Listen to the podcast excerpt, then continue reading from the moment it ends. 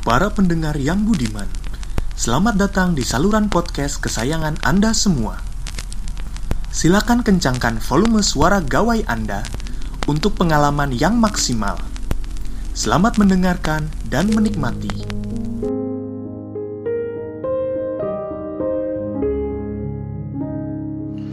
Halo, selamat pagi, siang, sore, malam buat siapa pun para pendengar yang budiman, kapan pun kalian mendengar podcast episode ini. Jadi, hmm, udah agak lama ya sejak terakhir podcast episode uh, terakhir uh, apa diupdate, baru bikin lagi sekarang dan kayak lagi mager-mager kehabisan konten gitu kan. Jadi untungnya kemarin sempat ngelempar pertanyaan lagi di Instagram eh, siapa pun yang mau tanya tentang seni gitu kan boleh di eh, apa dia diajuin di Instagram dan ada beberapa yang mengajukan jadi alhamdulillah jadi ada konten eh, jadi untuk episode kali ini mungkin sama kayak episode yang pertama kemarin STMJ siapa tanya Mas Le menjawab siapa tanya Mas Le jawab jadi STMJ gitu ya jadi hmm, ada beberapa pertanyaan yang masuk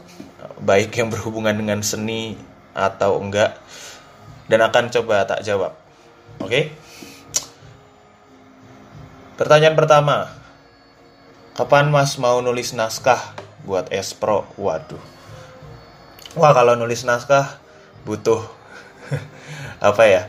Aku sebenarnya udah banyak kayak nulis naskah gitu, tapi nggak ada yang selesai karena nggak tahu eh, lebihnya lebih tepatnya adalah ketika ada ide terus tak tulis uh, aku suka bingung gitu loh mengakhirinya tuh gimana uh, tapi aku tertarik sih. Ada beberapa premis di kepala aku yang mau tak bikin naskah dan uh, terpikir untuk dipanggungkan.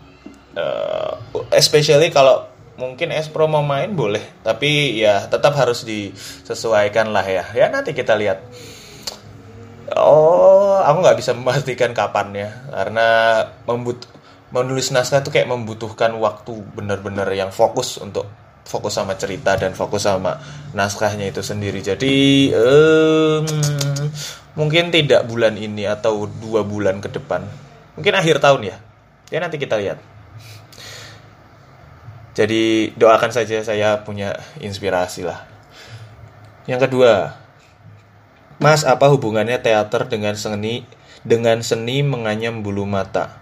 Hmm. Apa?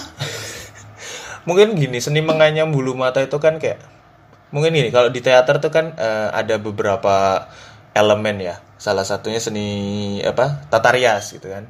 Ya, ada hubungannya ketika menganyam bulu mata jangan sampai bulu matanya itu lebih lebih panjang dari apa bulu-bulu yang lain. Ini pertanyaannya aneh ya.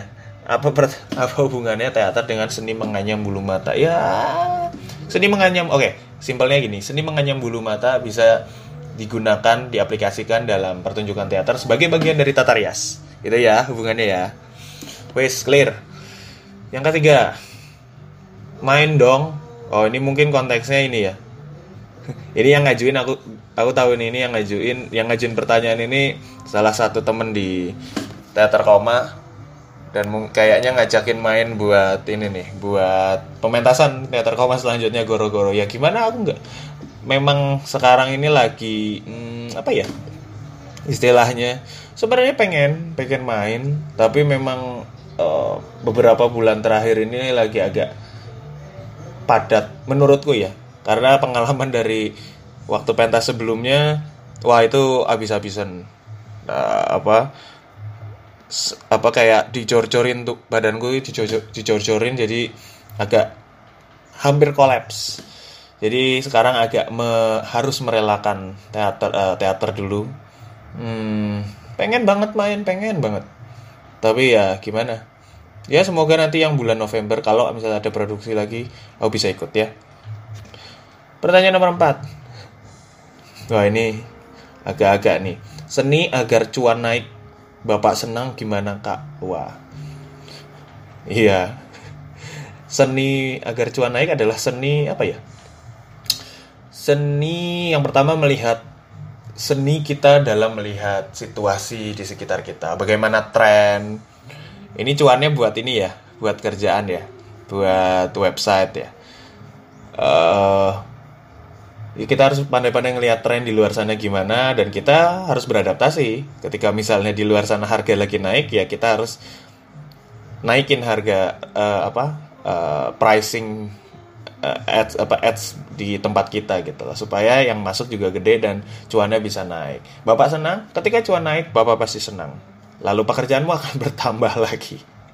Jadi sesuatu yang agak dilematis tapi ya harus tetap kita lakukan gitu. Jadi harus pintar pintar melihat suasana uh, kondisi di sekitar kita, melihat tren yang ada, punya strategi kapan menaikkan harga, kapan menurunkan harga, konten apa yang paling bagus itu kita juga mau nggak mau harus punya selera gitu kan tentang konten yang uh, ketika misalnya kontennya bagus ya otomatis page view akan eh, page view akan naik impression akan naik dan ketika harganya juga lagi tinggi cuannya pasti naik. Lalu bapak menjadi lebih senang. Asik.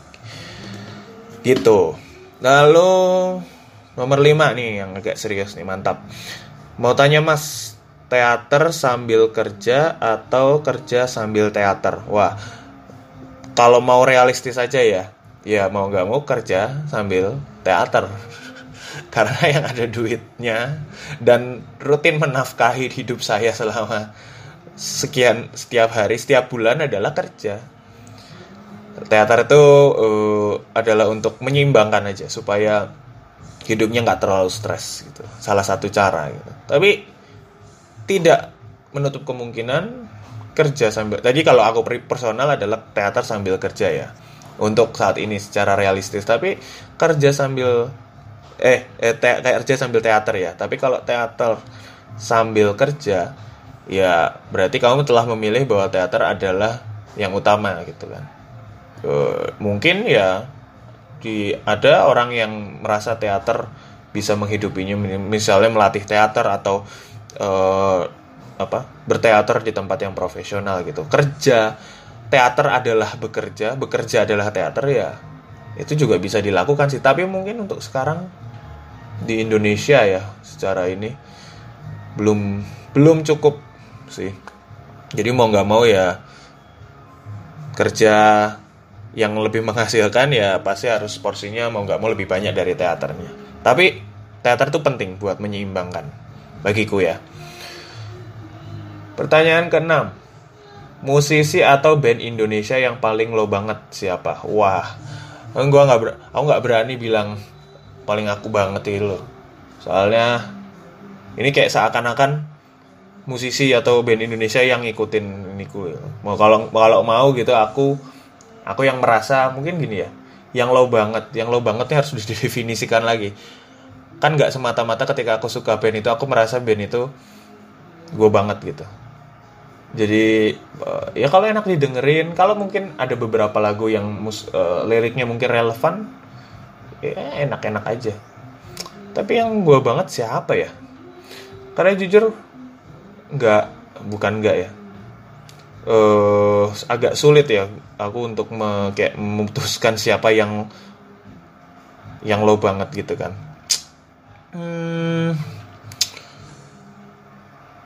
siapa ya?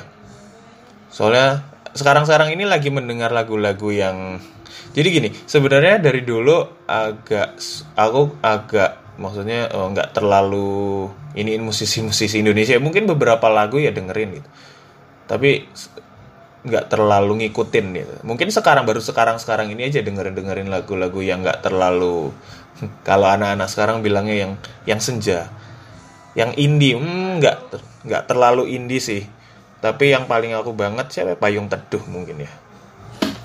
Payung mungkin payung teduh. Payung teduh masih relevan lah sampai sekarang jadi mungkin itu ya uh, apa jawaban-jawaban emang nggak bermutu nih aku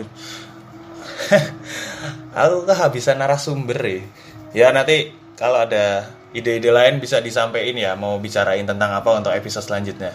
Mungkin itu untuk episode kali ini. Maaf kalau kurang berfaedah ya menjawab pertanyaan-pertanyaannya. Uh, terima kasih sudah mendengarkan. Sampai ketemu di episode selanjutnya. Membicarakan seni. Bye bye.